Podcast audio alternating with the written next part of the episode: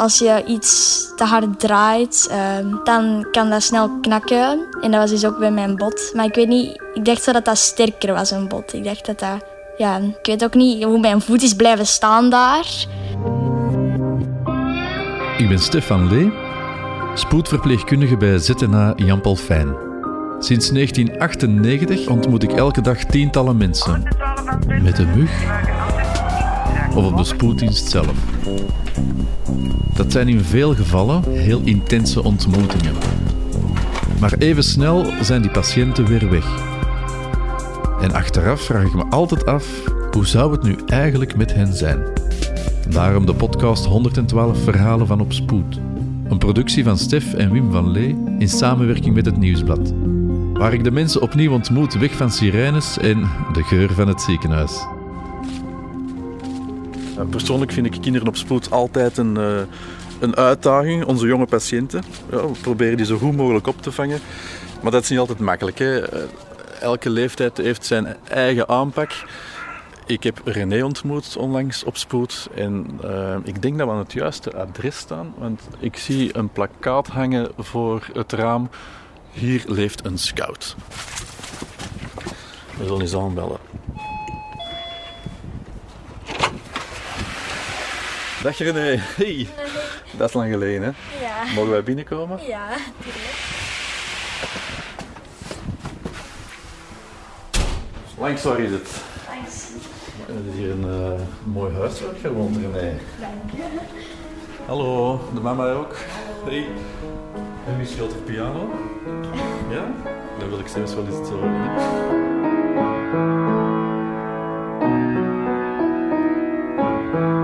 Het met u? Goed. Ik ben uh, blij om u uh, ja, hier te treffen. We hebben elkaar gezien op de spoedgevallen. Ja. Dat is minder goed natuurlijk. Vertel eens, wat is daar gebeurd? Uh, wij waren op de scouts. we hadden net gegeten. En ik en Lotte, een vriendin, zij, wij waren op die schommelmand. En wij waren dus daar rechtstaand met ons gewicht zeg maar, aan het schommelen. En dan ineens verlies ik zeg maar, mijn controle. Dus dan vlieg ik een beetje rond die mand, maar mijn voet blijft staan, blijft haken daarachter. En mijn been draait helemaal rond die paal. En ik hoor een keiharde kraak. En ja, dat, dat is zo precies een kortsluiting een beetje. Op een of andere manier ben ik niet gevallen, maar ik lag dus in die mand. En dan kwam er een mevrouw en zij zat aan de andere kant van het plein met haar twee hondjes te spelen. En zij zegt, ik hoorde een kraak en zo. En ik dacht zo, maar is dat zo luid? En mijn vriendin ging ondertussen de leidingen zo halen. En dan kwamen die allemaal zo. En dan ja, die probeerde dan mijn mama te bellen en zo. Ja, dan ben ik op de spoed beland. Wanneer een elfjarig meisje zich aanbiedt op spoed met een spiraalfractuur, dan wordt de orthopedist ingeschakeld, want hij is het die haar zal opereren. Dokter wordt Een spiraalfractuur. Ik zou het kunnen uitleggen als een uh, soort kurkentrekkervormachtig iets. Dat is natuurlijk geen medische uitleg. En daarom belde ik even dokter Worms opnieuw op. Uh, René die komt op uh, spoedgevallen in Jan Palfijn ziekenhuis uh, met een, wordt mij verteld aan telefoon, een spiraalbreuk van haar tibia. dus een spiroïdebreuk ontstaat door een soort van torsiemoment of een wringmanoeuvre. En René had dus haar onderbeen een, een wringmanoeuvre toegepast en daarop een breuk gedaan. Je bent met de ziekenwagen naar de spoed gebracht. Hoe was dat? Je lag, je lag in die mand, je had pijn en je hoort plots die ziekenwagen aankomen in het bos, in het park. Wat dacht je toen? Ik dacht zo van, wow, dat, is wel, dat was zo met sirenes en zo. En ik dacht zo, ja, is dat allemaal voor mij en zo? Want dat is zo, ik dacht zo, dat is zo echt voor heel erge spoedgeval als iemand dan zijn hart of zoiets heeft of zo. Maar dat was dus toch voor mij. En daar zijn dat allemaal zo van die hobbelstenen.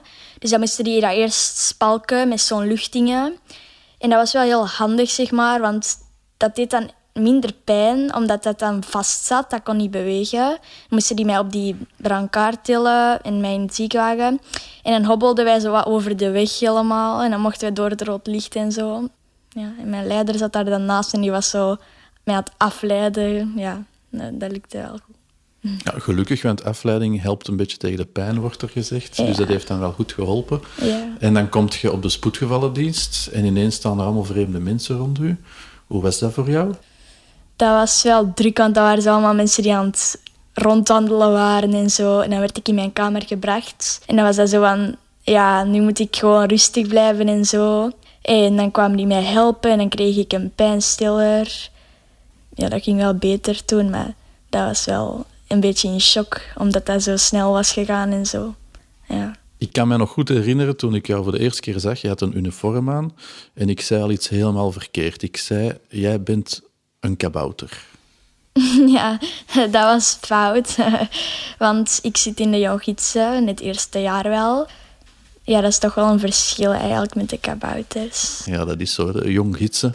maar je viel me wel op, want ja, scouts, dat is altijd leuk. Ze zijn altijd stoere meiden en ik vond dat je dat wel heel goed deed. Met, oh ja, een beetje omgaan met die pijn, want dat is, het was heel pijnlijk. Had jij snel door wat er aan de hand was met jouw been? ja, toen ik in die mand lag uh, en Lotte die stond daar zo van, wat is er gebeurd? En ik zei zo, ja, haal de leiding, haal de leiding. Maar ik was zo wel aan het trillen en zo. En ik wist niet, ik was een beetje zo van mijn tak gevallen, zeg maar, dat, dat, ja, dat ik niet wist wat er aan het gebeuren was. En iedereen kwam dan en dan dacht ik, uh, ja, wat gebeurt hier? En dan heb ik wel zo mijn been nog verplaatst en zo, want dan heb ik dat nog zo gelegd in iemand. En dan dacht ik, oei, dat doet te veel pijn, dus dan heb ik die toch maar zo gelegd. En dan voelde ik daar wat over en dan was dat een hele bult. Dus dan was dat wel heel eng, zeg maar, om te denken dat dat mijn been was, dat daar zo helemaal open lag. Alleen niet open, maar wel met een bult erop. In een abnormale stand. Ja. Dat was niet de juiste nee, dat was... niet meer. Hè? Dat was geen recht been dat je had. Hè?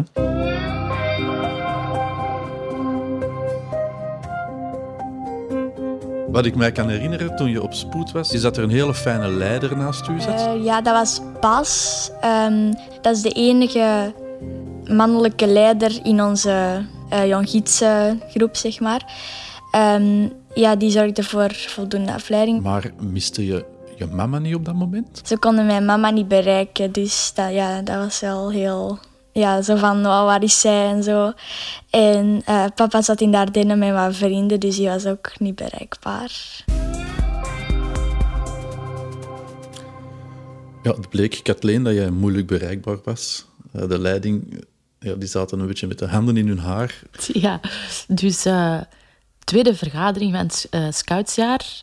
En ik dacht, ik ga eens buurten bij de buurvrouw. Een lekker koffietje drinken. Ik had mijn telefoon wel bij, maar uh, ja, ik was eigenlijk daar niet mee bezig. En ik kijk op een gegeven moment toch eens even tegen half één, één uur, want de kleinste moest nog naar de scouts vertrekken. En ik zie tien gemiste oproepen. Dat is zeker niet de normale gang van zaken. Dus ik denk, oei. En dan ineens komt er een nummer binnen uh, dat ik niet ken. Dus ik neem op. En dat was aan de spoeddienst Jan Palfijn. Ja, die mij dus uh, vertelde dat René daar was toegekomen met de scoutsleider. En uh, dat er dus iets met haar been was. De combinatie tien gemiste oproepen en dan uiteindelijk gebeld worden door de spoed zelf. Wat doet dat met de mama? Wel, de mama die dacht eerst en vooral eigenlijk, want ze heeft daar eens iets aan haar voet gehad. Ik dacht, dat gaat haar voet weer zijn. Hè. Dat gaat weer goed verstuikt zijn. Hè. Dat zal weer dik staan. Dus ik was mij eigenlijk nog niet echt zorgen aan het maken van de ernst. Hè. Dus, en ik ben eigenlijk ook heel rustig. Ik ben wel direct gegaan natuurlijk. Ik ben in een auto gestapt en ik ben rustig. En ik had ook beslist, ik kan de Guy, de papa, nog niet bellen. Die zit in Dardenne bij zijn vrienden wat kan die hier nu als meerwaarde, hè, als dat er een voet is? Dus ik rij rustig naar Palfijn en uh, daar lag ze dan in zo'n spoedbox, omringd door heel lieve mensen en een leider, de Bas, erbij. Dus ik was eigenlijk heel, ik was eigenlijk heel gerust, ja. Totdat je ziet wat er eigenlijk aan de hand was. Hè. Je, hebt, haar been ook gezien, dat stond niet echt in een normale stand. Wij zien dat op spoed natuurlijk frequent. Wij, worden daar een beetje gewoon aan. Maar ik denk voor een mama is dat toch wel een akelig zicht. Ja, zelfs op dat moment dacht ik, het is oké. want ik zag ook aan René, die was niet in paniek. Die was eigenlijk heel rustig. Ja, en dat zorgt dan wel als moeder ook dat je zelf eigenlijk rustig blijft. En ja, ik, ik, toen vond ik ook precies de pijn valt ook wel mee. Dus ja, ik, ik, was zeker niet in paniek of, of overdonderd. Of, nee, helemaal niet.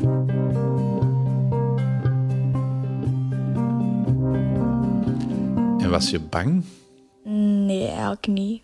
Alleen toen die in de wagen, allee, zo in de ziekenwagen, toen vroeg ik wat de opties waren van wat ze ging- met mijn been gingen doen. En dan zei die man, ja, oftewel gaan ze dat recht trekken en dat is het meest pijnlijk of zoiets. En dan, oftewel gaan ze dat opereren en als het niet zo erg gebruik is, dan gaan ze dat gewoon de gips leggen en geneest dat vanzelf. Maar dat was dus niet het geval.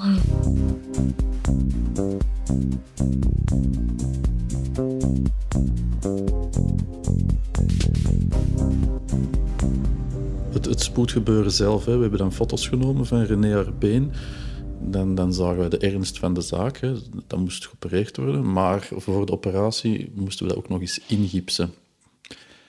Ja, dat, dat gaat niet zonder pijn doen. Je staat er dan bij als mama. Je moet je enerzijds sterk houden ten opzichte van René.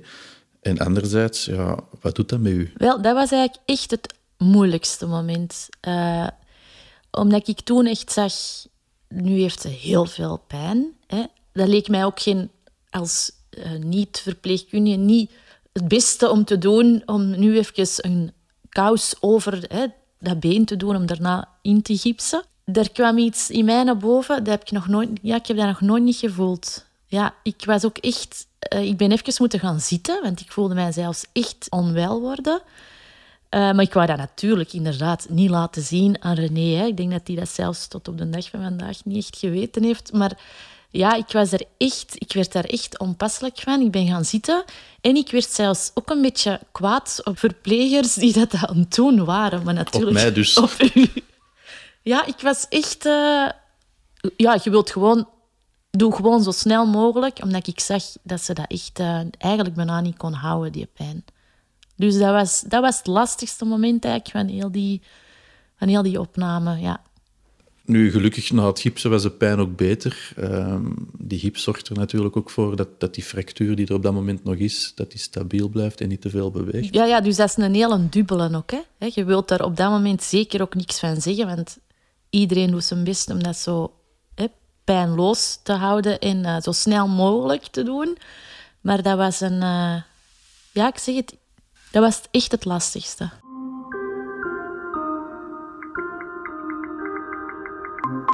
Een spiroïde breuk is eigenlijk altijd een instabiele breuk. Dat wil zeggen dat dat breuken zijn die heel moeilijk te behandelen zijn zonder ingreep te doen, omdat die breuken meestal verschuiven. En dus op die manier is René eh, op de operatietafel terechtgekomen in Jan Palfijn ziekenhuis. Een kind opereren is eigenlijk altijd een beetje een, eh, een moment in een operatiezaal. Eh, anesthesie is, een, eh, is voorzichtiger bij kinderen in slaap doen dan bij volwassenen, omdat het minder goed te controleren is welke hoeveelheid medicatie een kind nodig heeft om in slaap te gaan en hoe dat een kind gaat reageren op die verdoving. En dus dat is eigenlijk altijd een, een, spannender moment. Ehm, voor het kind zelf is het natuurlijk ook een zeer spannend moment. En dus de ouders worden er eigenlijk altijd eh, bijgelaten totdat het kind echt in slaap is. eh, zodanig dat het kind op die manier een beetje gerustgesteld wordt. Ik kan me nog herinneren dat je dat echt geen fijn nieuws vond. Nee.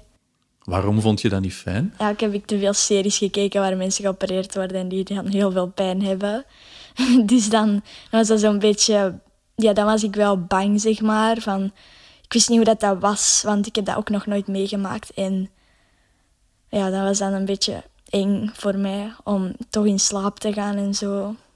Ja. En nu ben je in slaap geweest, dus nu kan je vertellen aan iedereen, aan alle kinderen die luisteren, eigenlijk moet je daar geen bang van hebben. Hè? Nee, Klopt dat dat? is niet zo eng, eigenlijk. Allee, in het begin was dat zo, dan lag je zo in die koude kamer en dan dacht je zo... eh, en dan, eh, dan heb ik toch voor het spuitje allee, zo een naaldje gekozen. En dan deden ze iets in mijn bakster en dan was dat zo een dingen voor mijn mond. Eh, en dan moest ik ademen gewoon, dat stonk een beetje, maar dat is niet zo erg. En dan ben je gewoon weg en dan slaap je en dan word je wakker en dan, dan, dan, ja, dan zie ik, zag mijn mama dan. Ik kan mij wel niet meer zo goed herinneren dat we naar mijn kamer zijn gegaan. Alleen dat... En mama zei dat ze een filmpje had laten zien van de gidsen die allemaal... Allee, de jong gidsen die allemaal zeiden van... Hé René, eh, veel beterschap en zo. Maar dat kan ik me ook niet meer herinneren.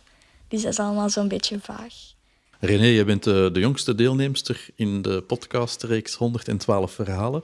Eh, wat ik mij nu afvraag als jong patiëntje, Had jij zorgen naar de toekomst toe? Eh, ja, ik heb mij dat wel afgevraagd. Ehm, toen ik, eh, daar moest ik dan overnachten. Ehm, en toen heb ik zo wel gedacht van, ja, ga ik nog kunnen sporten en zo met mijn vrienden? Want ik doe hockey super graag. En dan dacht ik zo van, ja, daar heb je wel beenwerk ook voor nodig. En ja, dat was wel een beetje eng om zo te denken van, ga ik dat nog allemaal kunnen doen? Of gaat dat gewoon niks meer voor mij worden? Ja, dat was eng.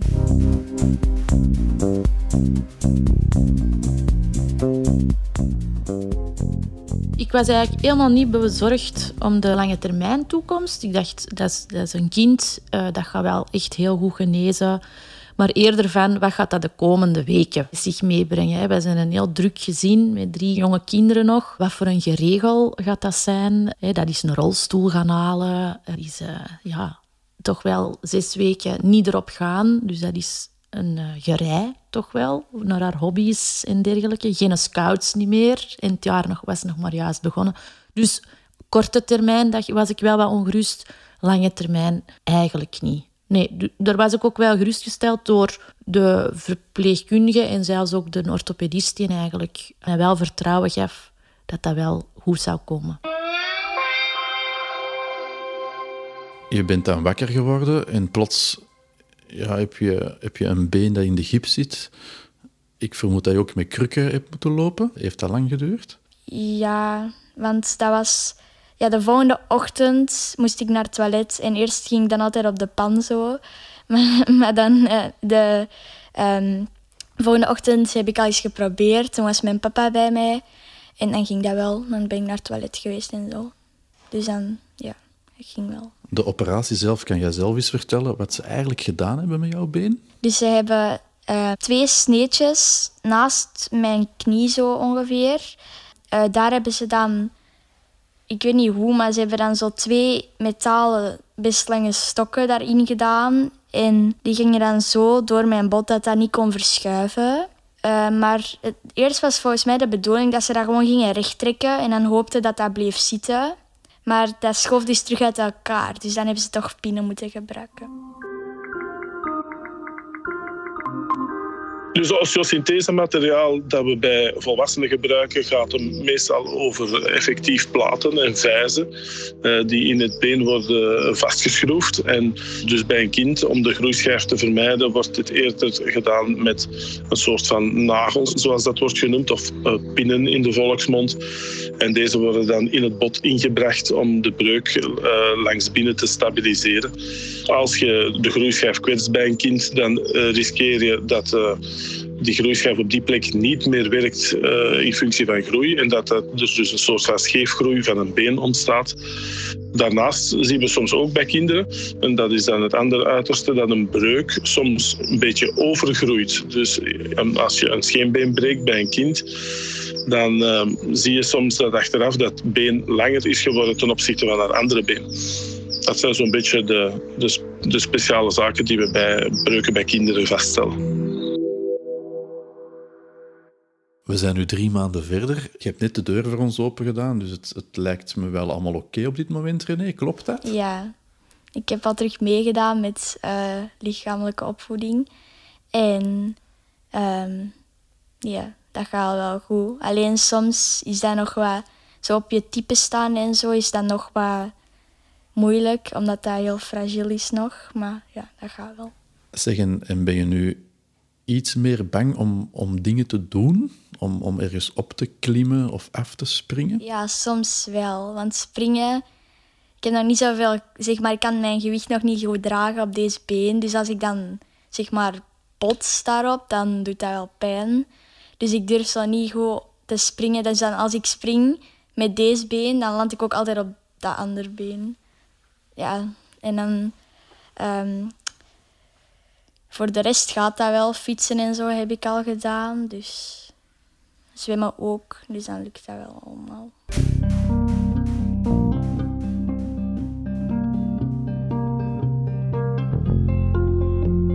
Je nu naar de scouts vertrekt, maakt jij je meer zorgen dan, dan vroeger? Ik denk dat ik zou liegen als ik zo van die schommelmandjes, daar heb ik toch precies niet meer zoveel vertrouwen in. Uh, Nee, ik ben vooral eigenlijk heel blij dat hij terug alles kan doen. Ze is al met een fiets meegegaan. Ze is gaan zwemmen met school. Maar ik moet misschien heel... Ik ben ook niet zo'n heel bezorgde moeder. Maar uh, nee. nee, ik ben eigenlijk niet ongerust als ze vertrekt. Ik ben vooral heel blij dat ze terug kan gaan. René, operatie is eigenlijk vlot verlopen. Zij was ook heel flink als zij in slaap ging, herinner ik mij nog. Haar breuk was in die mate gestabiliseerd dat zij niet te lang in gips heeft moeten zitten, wat toch ook altijd vervelend is. Um, en dat we na, uh, ik denk, een, een, achttal weken die, die pinnen hebben kunnen verwijderen uit haar been. Dat was natuurlijk een tweede keer in slaap voor René. Uh, maar dan had ze al een beetje uh, de routine daarin. En um, een drietal maanden na de ingreep was René eigenlijk volledig genezen. Ik vond dat je dat super stoer gedaan hebt op de spoed. En ik heb voor jou ook een, uh, een totem. Want in de scouts krijg je een totemnaam. En ik heb voor jou uh, gekozen de welgemoede tweepinnige pongo. Want ja, je hebt twee pinnen gehad in je been, ja. dus dat moet daar gewoon in zitten. Hè. En ja, voor wat staat dat pongo? Dat is eigenlijk een orang-oetan. Uh, dat betekent bosmens en dat zijn heel gevoelige, zachtaardige beesten die altijd goed gehumeurd zijn, speels en nieuwsgierig. En ja, ik, heb je niet lang leren kennen op spoed, maar toch voldoende, denk ik. Ik denk dat dat wel eigenschappen zijn die heel goed bij jou passen. Ik wil jou heel hartelijk bedanken voor dit gesprek. En uh, hopelijk tot nooit meer. Ja, dank je wel.